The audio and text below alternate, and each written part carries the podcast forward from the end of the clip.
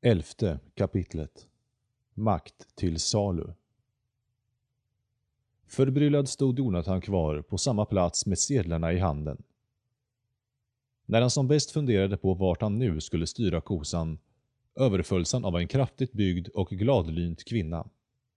Utan att tveka grep hon tag i hans högra hand och började skaka den kraftfullt. Hur står det till? Är det inte en fin dag? Sa hon med betoning på varenda stavelse och utan att sluta pumpa hans hand med sin köttiga arm. Jag heter Lady Best Tweed och är din lokala representant i Lordernas råd. Och jag tar tacksamt emot ditt bidrag till valfonden och din röst inför mitt återval. Nu är det bara valet som måste klaras av för att vi ska kunna gå vidare och bygga det samhälle vi alla vill ha. Svårare än så är det inte. Jaså, sa Jonathan, osäker på vad han skulle säga. Farten med vilket hon talade och kraften i hennes ord fick honom att ta ett steg bakåt. Aldrig tidigare hade han stött på en människa som kunde få ur sig så många ord i ett enda andetag. Ja, sanna mina ord, fortsatte Lady Tweed utan att ta någon notis om hans svar. Och jag betalade gärna rundhänt, jo då, jag betalade gärna. Du kan inte göra en bättre affär. Och vad säger du om det kanske? Betala mig för ett bidrag och min röst? frågade Jonathan och rynkade häpet på pannan. Naturligtvis ska jag inte ge dig kontanter. Det vore olagligt. Rena mutorna, sa Lady Tweed. Blinkade slukt med ögat och stötte armbågen i revbenen på honom. Hon fortsatte. Men jag kan erbjuda något som är lika bra som kontanter och många gånger mer värdefullt än ditt bidrag till valfonden. Och det är vad jag tänker göra. Och vad säger du om det kanske? Det vore trevligt, svarade Jonathan, som insåg att hon ändå inte lyssnade på vad han sa. Vad har du för yrke? För, förstår du, Råkar du vara intresserad så kan jag ordna statligt stöd i form av lön eller subventioner eller skattelättnader. Och skulle du ha något intresse av den saken kan jag ruinera dina konkurrenter med hjälp av lagar och regler och inspektioner och avgifter. Så, du inser väl att det inte finns någon bättre investering i hela världen än att satsa på en politiker med kontakter. Du kanske vill ha en ny väg? Eller en park byggd där du bor? Eller kanske ett stort hus? Eller... Vänta! ropade Jonathan i ett försök att få stopp på strömmen av ord. Hur kan ni ge mig mer än jag först har skänkt? Är ni verkligen så rik och generös? Jag? Rik? Nej, milda makter, invände Lady Tweed. Jag är inte rik, nåja. Inte ännu i alla fall. Generös? Ja, det skulle man kunna säga. Men jag tänker då verkligen inte betala dig med mina egna pengar, förstår du väl? Jag har nämligen hand om statens pengar, förstår du. Pengar som vi har fått in i skatter, förstår du. Och en sak kan du verkligen lita på. Och det är att jag kan vara väldigt generös med de pengarna mot rätt personer. Fortfarande förstod inte Jonathan vad hon menade. Men om ni betalar mig för mitt kampanjbidrag och min röst, är inte det i så fall en slags muta? Över Lady Tweeds ansikte spred sig ett arrogant leende. Nu ska jag klara klartext med dig, min kära vän. Hon la armen över hans axlar och drog honom obehagligt tätt intill sig. Visst skulle man kunna kalla det för mutor. Men det är helt lagligt så länge vi politiker bara använder andras pengar istället för våra egna. På samma sätt är det olagligt om du betalar mig för att få särskilda politiska fördelar. Om du nu inte kallar pengarna för kampanjbidrag. För i så fall är allt som det ska. Men om du nu ändå skulle tycka att det känns olustigt att ge mig pengarna direkt, så kan du be någon god vän eller en släkting eller kollega att överlämna kontanter, aktier eller varor till mig eller mina närstående, nu eller senare, å dina vägnar. Hon drog ett snabbt andetag. Förstår du nu? Jonathan skakade på huvudet. Jag förstår fortfarande inte skillnaden. Jag menar, enligt min uppfattning är att betala folk för röster och tjänster och ändå att muta dem, oavsett vem det är eller vems pengar man använder. Vad man kallar det förändrar väl ingenting, om nu handlingen är densamma. Lady Twig log självbelåtet och slog an en mer inställsam ton. Min käre, käre vän, du måste vara mer flexibel. Vad man kallar saker och ting är allt som betyder något. Vad heter du? Sa jag att du har en stilig profil? Du skulle kunna gå långt om du kandiderade till något regeringsuppdrag. Och om du nu bara var en smula mer flexibel i den här frågan. Jag är säker på att jag skulle kunna hitta någon fin befattning åt dig inom mitt departement när jag bara blivit omvald. Se så? Tänk efter nu. Nog måste det väl finnas något du vill ha? Jonathan höll fast vid sin inledande fråga och pressade henne på en förklaring.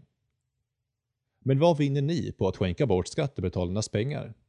Får ni behålla pengarna ni får i kampanjbidrag? Åh, en del av pengarna behövs till mina personliga utgifter och sedan har jag löfte om en hel förmögenhet i gentjänster om jag någonsin skulle dra mig tillbaka. Men framförallt är det jag får för pengarna erkänsla och respekt och popularitet och kärlek och beundran och en plats i historieböckerna. Allt det. Och till på köpet ännu fler röster i valet. Flinade Lady Tweed. Röster ger makt och det finns ingenting jag njuter så mycket av som att få inflytande över varenda människa som bor på den här ön. Allihop. Och deras liv, frihet och egendom.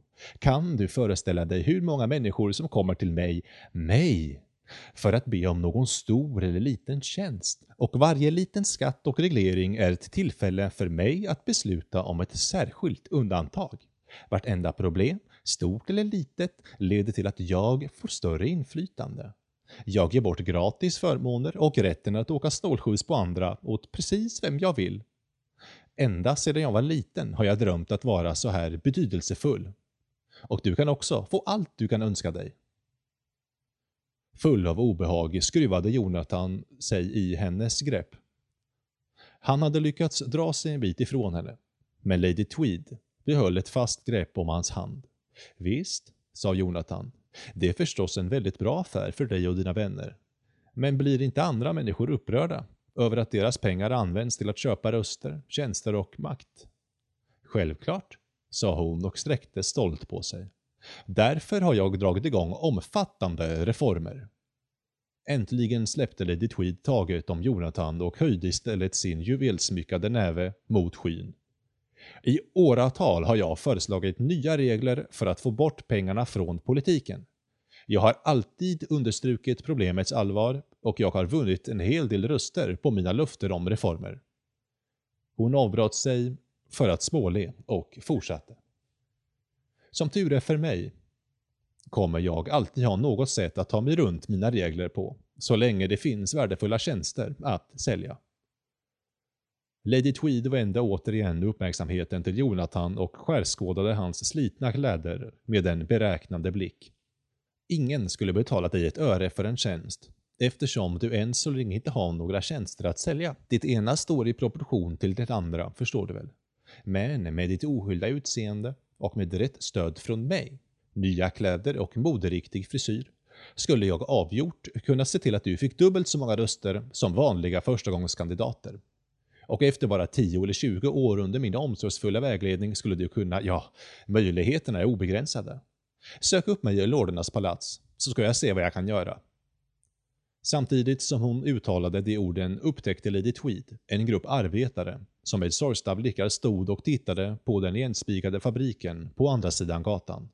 Utan vidare tappade hon intresset för Jonathan och vände sig om för att i rask takt ge sig iväg mot det nya bytet. Att göra sig av med andras pengar låter som det för med sig en hel del massa bekymmer, mumlade Jonathan. Alltid inställd på att känna av stämningen i luften lyckades Lady Tweed uppfatta hans ord. Hon stannade, tog ett steg tillbaka och drog på munnen. Sa du bekymmer? Ha! Det är snarare som att stjäla godis från småbarn. Det folk inte ger mig av tvång lånar jag av dem. För du förstår, den dag då deras barn väl blir tvungna att betala notan är jag sedan länge borta. Och allt som återstår av mig är minnet av en älskad politiker. Tolfte kapitlet Hals över huvud Efter det omtumlade mötet vandrade Jonathan planlöst längs rader av tråkiga hus allt medan gatorna blev allt tystare. Han upptäckte en grupp sjaskigt klädda människor som hade samlats framför tre höga hus med beteckningarna A, B och C. Hus A var tomt och i bedrövligt skick. Murbruket höll på att släppa Fönstren var trasiga och de få kvarvarande fönsterglasen var täckta av smuts. Intill stod hus B, på vars trappa en grupp människor satt tätt tillsammans. Inifrån huset kunde Jonathan höra höga röster och av ljudet att döma pågick en faslig massa aktiviteter på alla tre våningar. Tvätt hängde oordnat på pinnar och stack ut från varje fönster och alla balkonger. Huset var så fullt av människor att det såg ut att spricka i sömmarna. På andra sidan gatan stod hus C. Huset var fläckfritt, perfekt underhållet och, precis som hus A, tomt på folk. De nyputsade fönstren gnistrade i den sjunkande solens sista strålar. Den stuckaturbeklädda fasaden var slät och fin. Medan Jonathan stod och tittade på husen kände han hur någon knackade honom på axeln. Då han vände sig om såg han en ung flicka med långt sandbrunt hår. Hennes ljusgrå kläder satt inget vidare och hon tycktes inte vidare söt så här vid första påseende. Men Jonathan tyckte hon såg pigg och snäll ut. Säg mig, frågade hon med en vänlig, behaglig röst. Vet du var jag kan hitta en bostad att hyra? Jag är ledsen, sa Jonathan. Jag är inte härifrån. Varför prövar du inte med någon av de tomma byggnaderna? Det är lönlöst, svarade hon mjukt. Varför då? sa Jonathan. Jag tycker de ser tomma ut. Det är det.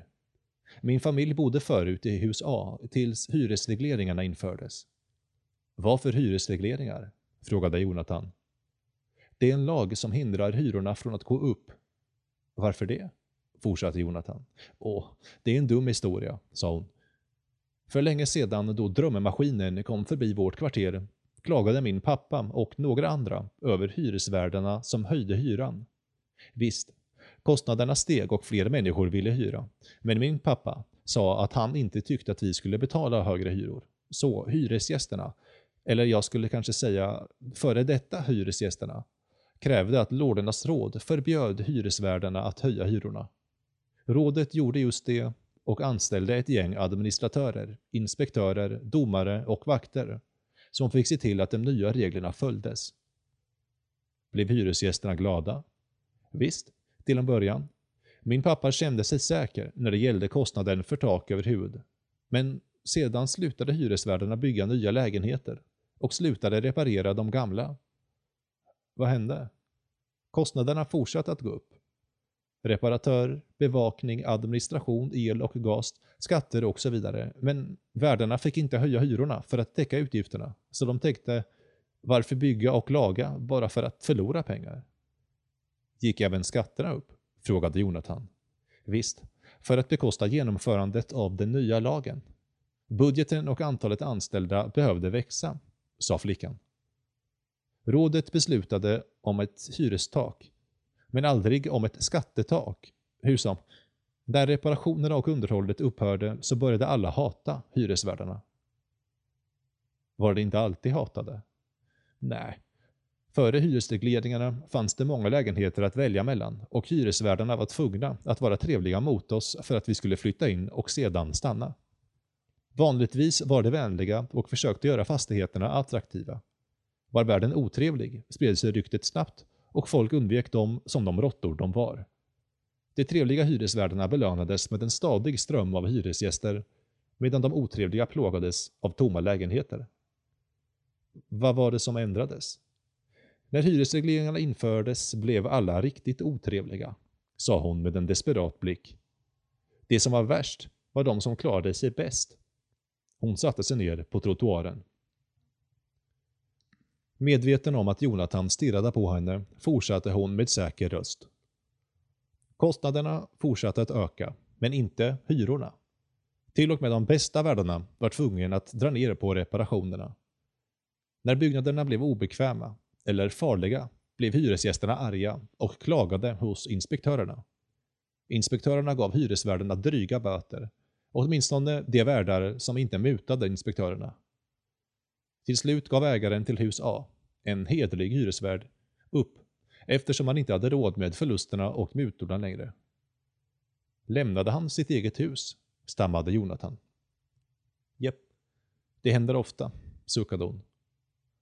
Kan du tänka dig att bara lämna något som du har tagit ett helt liv att bygga? Ja, färre och färre lägenheter fanns tillgängliga, men antalet hyresgäster fortsatte att öka. Folk fick klänga in sig där de kunde. Till och med otrevliga hyresvärdar, som ägaren till hus B, behövde oroa sig över lägenheter som stod tomma. Ryktet säger att han tar betalt under bordet, bara för att flytta folk längre upp på väntelistan. De med tillräckligt med pengar klarar sig bra. Den otrevliga hyresvärden är en riktig bandit. Hur är det med hus B? sa Jonathan och ville vara hjälpsam. Kan det inte finnas någon öppning där? Väntetiden är enorm. Du skulle ha sett bråket utanför då fru Pettersson gick bort. Alla slogs och skrek åt varandra för att komma före i kön till hennes gamla lägenhet. Till slut var det Lady Tweeds son som fick lägenheten, även om ingen kan minnas att han stod i kön den dagen. En gång försökte min familj dela en lägenhet med en annan familj, men inspektörerna sa att det var mot byggnadsförordningen. Vad är byggnadsförordningen? frågade Jonathan. Den unga kvinnan suckade. Äh, den började som ett antal säkerhetsregler, men lordarna använder den numera för att styra människors livsstil. Du vet, saker som rätt antal diskhoar och toaletter, rätt antal och rätt sorts människor, rätt utrymme. Med ett spår av sarkasm tillade hon. Så vi slutade på gatan, där ingenting överensstämmer med byggnadsförordningen. Ingen disco, ingen spis eller toalett, inget privatliv och alldeles för mycket utrymme. Jonathan blev deprimerad då han tänkte på hennes situation. Sedan mindes han det tredje huset. Det som verkade nybyggt och dessutom obebott. Det var den uppenbara lösningen på hennes problem. Varför flyttade du inte in i hus C, där på andra sidan gatan? Hon skrattade bittert. Det skulle vara ett brott mot detaljplanen. Detaljplanen, upprepade han. Förstummad lutade sig Jonathan tillbaka på trottoaren där han satt och skakade oförstående på huvudet. Den reglerar fastigheternas placering. Detaljplanen fungerar så här, sa hon och använde en pinne för att rita en karta i smutsen. Rådet drar en linje på en av sina stadskartor. Människor tillåts sova på ena sidan av linjen om natten, men de måste arbeta på den andra sidan under dagen. Hus B är på sovsidan av linjen och hus C är på arbetssidan. Arbetsfastigheter placeras vanligen i andra änden av staden ifrån sovfastigheterna sett så att alla får långa resor varje morgon och kväll. De säger att långa avstånd är bra för konditionen och försäljningen av vagnar. Jonathan stirrade med förundran på den överfulla bostadsfastigheten framför honom. Inklämd mellan två tomma byggnader och med gatan full av hemlösa. Vad ska du göra? frågade han deltagande. Vi tar en dag i taget. Min pappa vill att jag ska följa med honom imorgon på en gala anordnad av Lady Tweed för de hemlösa. Galan kallas Tummen upp-partiet. Tweed har lovat att få oss på gott humör med lekar och gratis lunch. Vad generöst, anmärkte Jonathan torrt. Han kom ihåg konversationen han hade med Lady Tweed. Kanske låter hon dig bo i hennes hus tills du hittar något eget. Pappa vågade faktiskt fråga henne det en gång. Framförallt eftersom det var Tweed som fick rådet att införa hyresregleringar. Lady Tweed svarade min pappa, men det skulle ju vara välgörenhet. Välgörenhet är kränkande. Hon förklarade för honom hur mycket mer respektabelt det är att kräva en lägenhet av skattebetalarna. Hon sa åt honom att vara tålmodig och så skulle hon se till att rådet ordnade allt.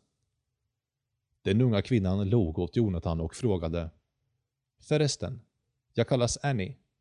Vill du göra oss sällskap till Tweeds gratislunch imorgon? Jonathan rodnade. Kanske skulle han kunna lära sig mycket om den här ön ändå. Visst, jag följer gärna med. Jo, jag heter Jonathan. Annie hoppade upp med ett leende. Då sa Jonathan, vi syns här imorgon, samma tid. Trettonde kapitlet Död åt illegala frisörer Jonathan gick som på mål. Han var glad över att ha funnit en ny vän. Då slog det honom att han kanske måste se till att komma ihåg var han var så att han kunde hitta tillbaka nästa dag. På nästa gata såg Jonathan en polisman som satt på trottoarkanten och läste tidningen. Han var kortare och inte mycket äldre än Jonathan själv. Jonathan, uppfostrad som han var, till att visa respekt för lagens väktare, kände sig uppmuntrad inför åsynen av den unge mannens eleganta svarta uniform och pistolen som blänkte vid hans sida. Kanske skulle han kunna fråga om vägen till hamnen. Polismannen var försjunken i sin tidning så Jonathan sneglade över hans axel på rubriken som skrek ut Lorderna godkänner dödsstraff för illegala frisörer. Dödsstraff för frisörer? utbrast Jonathan förvånat. Polismannen tittade upp på honom. Förlåt mig, sa Jonathan. Det var inte meningen att störa, men jag kunde inte undvika att läsa rubriken. Är det ett feltryck, det där om straffet för frisörer? Tja, vi får väl se efter. Mannen började läsa ur tidningen. Lordernas råd har just beslutat att införa dödsstraff för den som klipper hår utan licens. Vad är det som är så konstigt med det? Är det inte ett väldigt allvarligt straff för en så obetydlig företeelse? Frågade Jonathan försiktigt. Knappast, svarade polismannen. Dödsstraffet är det slutgiltiga hotet bakom alla lagar, oavsett hur liten företeelsen är. Jonathan spärrade upp ögonen. Men inte skulle ni väl avrätta någon för att ha klippt hår utan licens? Självklart skulle vi det, sa polisen och klappade med en bestämd gest på pistolen. Även om det sällan går så långt. Men varför det? Jo, varje brott bedöms enligt en eskalerande skala. Det betyder att straffet ökar ju mer motstånd brottslingen gör. Om till exempel någon vill klippa hår utan licens blir de bötfällda. Vägrar de sedan betala böterna eller fortsätter att klippa hår, då arresteras och fängslas dessa illegala frisörer och, sa mannen nyktert, om de gör motstånd, då utsätter sig de kriminella elementen för straff av eskalerande allvarlighetsgrad. Hans ansikte mörknade. De kan till exempel till och med bli skjutna. Ju större motstånd de gör, desto större våld måste vi använda mot dem.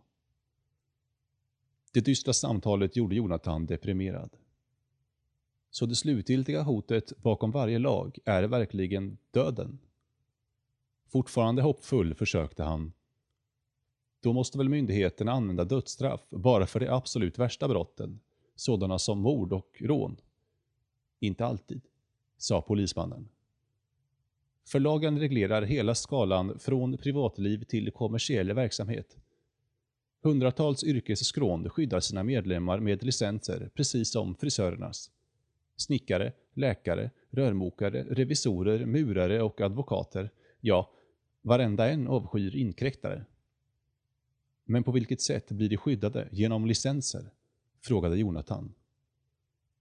Antalet licenser är begränsat till den tidsödande och omständliga ritual man måste genomgå för att bli medlem i ett skrå och är strikt kontrollerad. På så sätt elimineras den osunda konkurrensen från inkräktare med nya konstiga idéer, överdriven entusiasm, knäckande effektivitet eller hänsynslöst låga priser. Sådana skrupelfria konkurrenter är ett hot mot våra högst värderade yrkesmäns traditioner. Jonathan ville inte ge upp förrän han hade fått ett rakt svar. Men är licenserna något skydd för kunderna också? Ja, visst. det står ju här i artikeln sa polisen och kastade en blick på texten.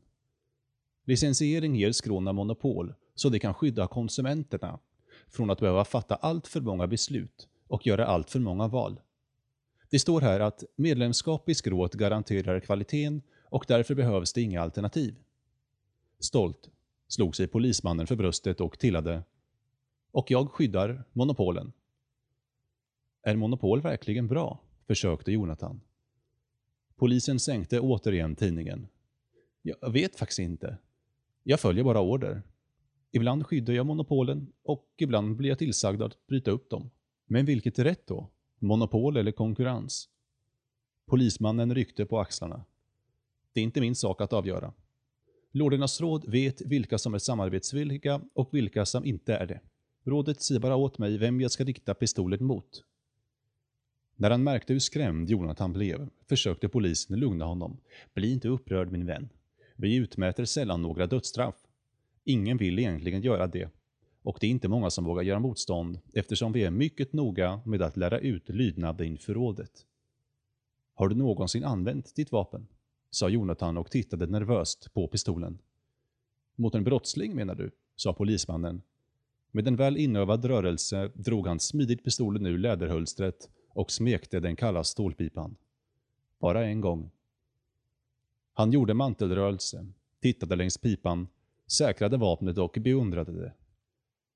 Här har du en del av öns främsta teknologiska kunskap. Rådet sparar inte på resurserna när det gäller att ge oss det bästa för att vi ska kunna genomföra vårt uppdrag.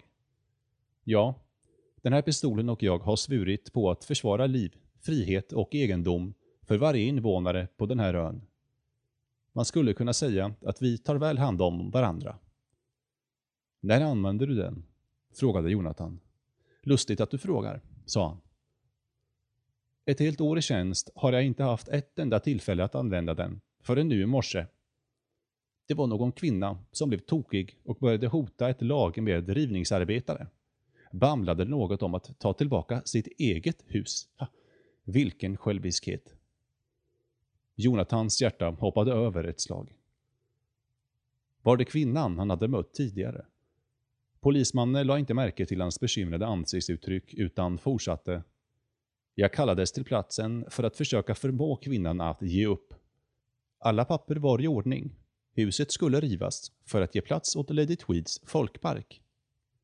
Nästan oförmögen att tala frågade Jonathan. Och vad hände sedan? Jag försökte resonera med henne. Sa att hon förmodligen skulle komma undan med ett lätt straff om hon bara fredligt följde med mig. Men när hon började hota mig och sa att jag skulle lämna hennes egendom, ja, då var det ju uppenbart att hon motsatte sig gripandet. Föreställ dig den kvinnans fräckhet. Ja, suckade Jonathan. Vilken fräckhet. En stunds tystnad följde. Polisen läste tigande medan Jonathan eftertänksamt stod och sparkade på en liten sten med foten. Sedan frågade han Kan man köpa en sådan pistol som du har här i staden? Samtidigt som han vände blad svarade polisen Aldrig i livet. Någon skulle kunna bli skadad.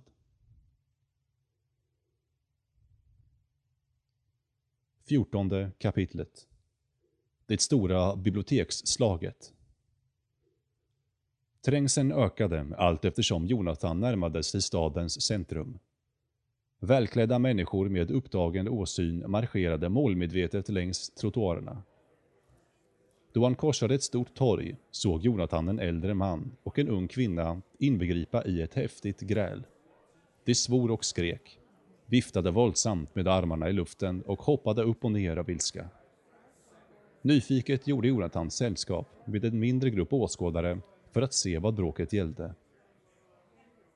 Just när polisen kom för att sära på dem vände sig Jonathan mot en bräcklig gammal dam med käpp och frågade Varför är de så arga på varandra? Kvinnans ansikte var fullt av djupa rynkor.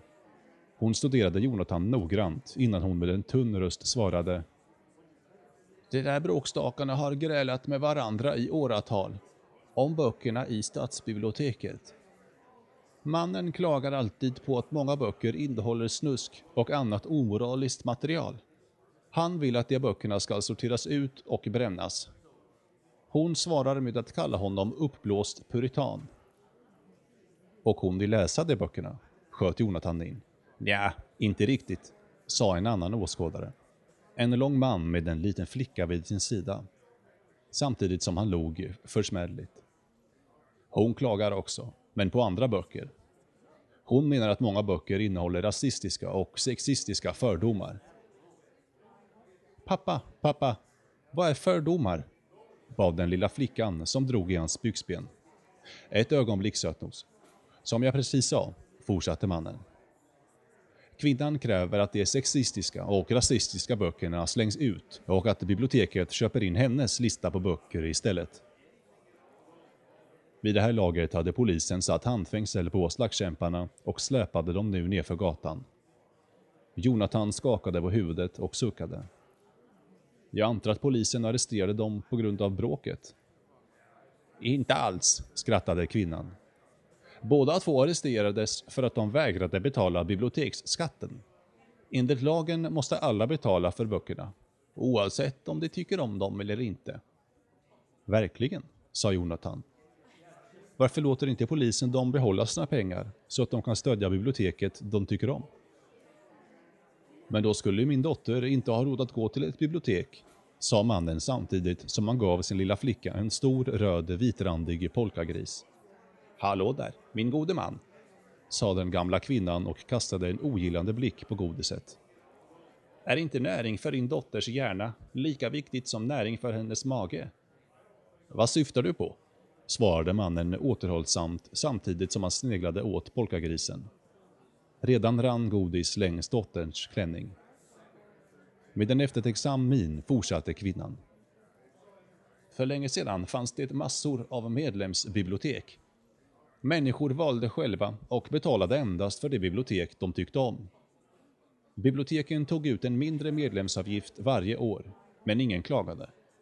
Biblioteken konkurrerade om medlemmar genom att erbjuda de bästa böckerna och den mest kompetenta personalen, de längsta öppettiderna och det bekvämaste läget. Vissa lämnade och hämtade till och med böckerna hemma hos medlemmarna.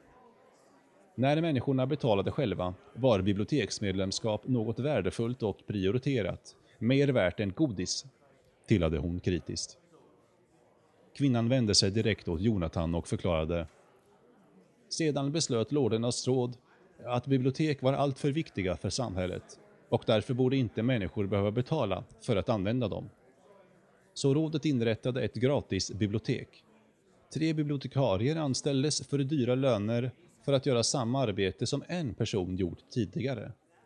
Öppettiderna begränsades, men rådets bibliotek var ändå populärt eftersom det var kostnadsfritt inte långt därefter förlorade medlemsbiblioteken sina kunder och gick i konkurs. Inrättade lorderna ett gratisbibliotek, upprepade Jonathan. Men jag tyckte att du sa att alla måste betala en biblioteksskatt. Det är riktigt. Men vanligtvis säger man att rådets service är gratis. Trots att folk tvingas betala. Det är mer civiliserat, sa hon ironiskt. Den långa mannen protesterade energiskt. Medlemsbibliotek? Jag har aldrig hört talas om några sådana. Självklart inte, replikerade den gamla kvinnan. Rådets bibliotek har funnits så länge att du inte kan föreställa dig något annat. Nej, nu får du ge dig, utbrast mannen. Kritiserar du biblioteksskatten? Om lorderna ska kunna tillhandahålla en värdefull samhällsservice måste människor tvingas till att betala. Den kan inte vara särledes värdefull om man måste använda våld, sa kvinnan och tittade mannen stint i ögonen. Det är inte alla som vet vad som är bra för dem. Och det finns andra som inte har råd, förklarade mannen. Alla intelligenta människor vet att ett fritt samhälle bygger på en fri tillgång på böcker. Skatter sprider bördan så att alla betalar sin rättvisa del. Annars skulle vissa kunna åka snålskjuts på oss andra. Din biblioteksskatt gör att än fler kan åka snålskjuts, invände den gamla kvinnan. De som använder biblioteket och de som undantas från skatten åker snålskjuts på alla andra. Hur rättvist är det? Vem tror du har mest inflytande hos lordernas råd? En av rådets rika vänner? Eller en fattig kille som inte slutar sitt arbete förrän efter biblioteket har stängt? Mannen tog ett steg fram och sköt sin lilla flicka bakom sig. Han svarade uppjagat. Och vad för slags bibliotek vill du ha? Skulle du välja ett medlemsbibliotek som kanske är fördomsfullt gentemot någon grupp i samhället? Fördomar kan man aldrig undvika, skrek kvinnan som lutade sig in till hans ansikte. Vad tror du det här bråket handlade om nyss? Vill du att clownerna i rådet ska välja fördomarna åt dig? Jaha, och vem är det som är en clown? genmälde mannen och puttade till kvinnan så att hon tappade balansen. Om det inte passar dig kan du lika gärna flytta ifrån ön. Din oförskämda lymmel, svarade kvinnan och slog till mannen i huvudet med käppen. Jag betalade för ditt bibliotek innan du var född. De började skrika åt varandra. Det lilla barnet brast ut i gråt och någon försvann iväg för att kalla polisen. Jonathan trängde sig förbi dem och bestämde sig för att söka skydd i det närliggande bibliotekets lugna miljö. Femtonde kapitlet Lätt som en plätt Biblioteksbyggnaden var i två våningar med imponerande stenfasader. En samling välklädda människor hade samlats vid entrén och väntade på att få gå in. Det låtsades att det var ovetande om grälet som hade blossat upp på torget.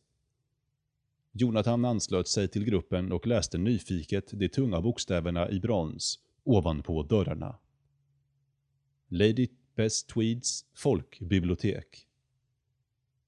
Besökarna längst bak sträckte på nacken för att kunna se över huvudena på de som stod framför. De kommenterade högt vad de såg.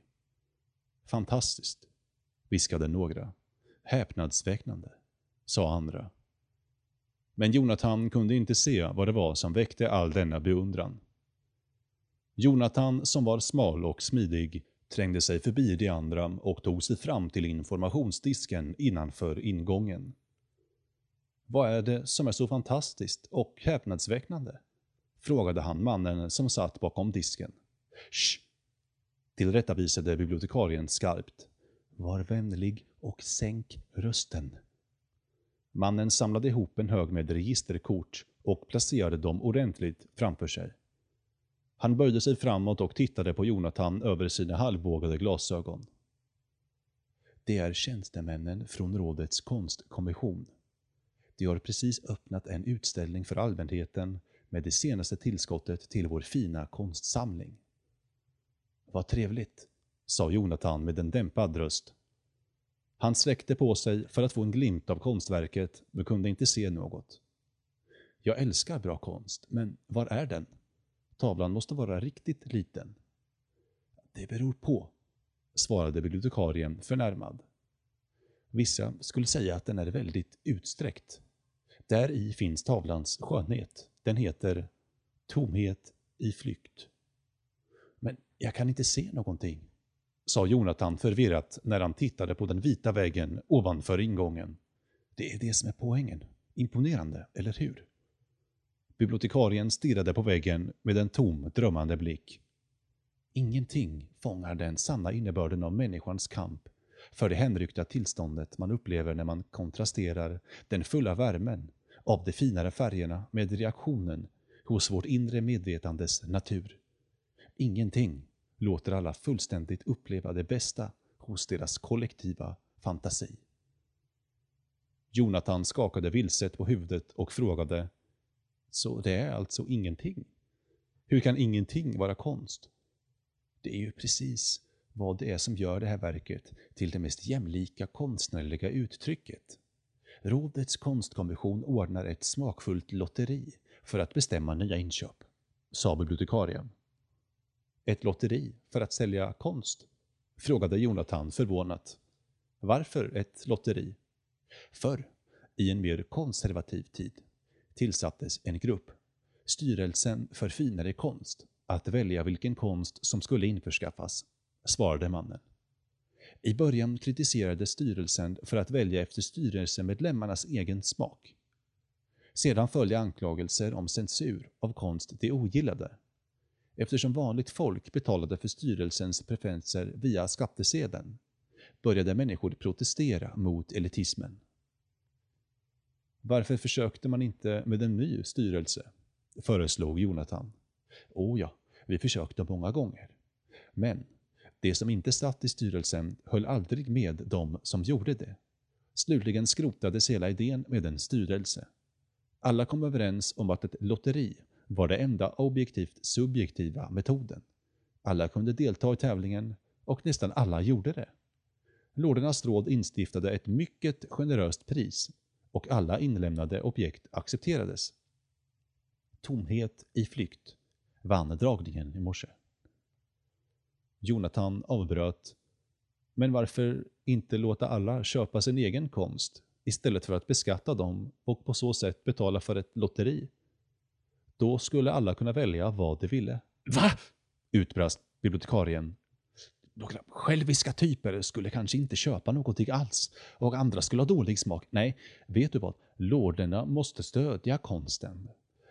Åter med blicken mot tomhet i flykt la bibliotekarien sina armar i kors över bröstet och ett vagt uttryck spred sig över hans ansikte. Fin samling, tycker du inte? Tomhet har den fördelen att ingången till biblioteket hålls fri från smörja, samtidigt som vi sparar på miljön. Dessutom, fortsatte han lyckligt, Ingen kan klaga på mästerverkets artistiska kvalitet eller på den estetiska stilen. Den kan inte förolämpa någon, eller hur?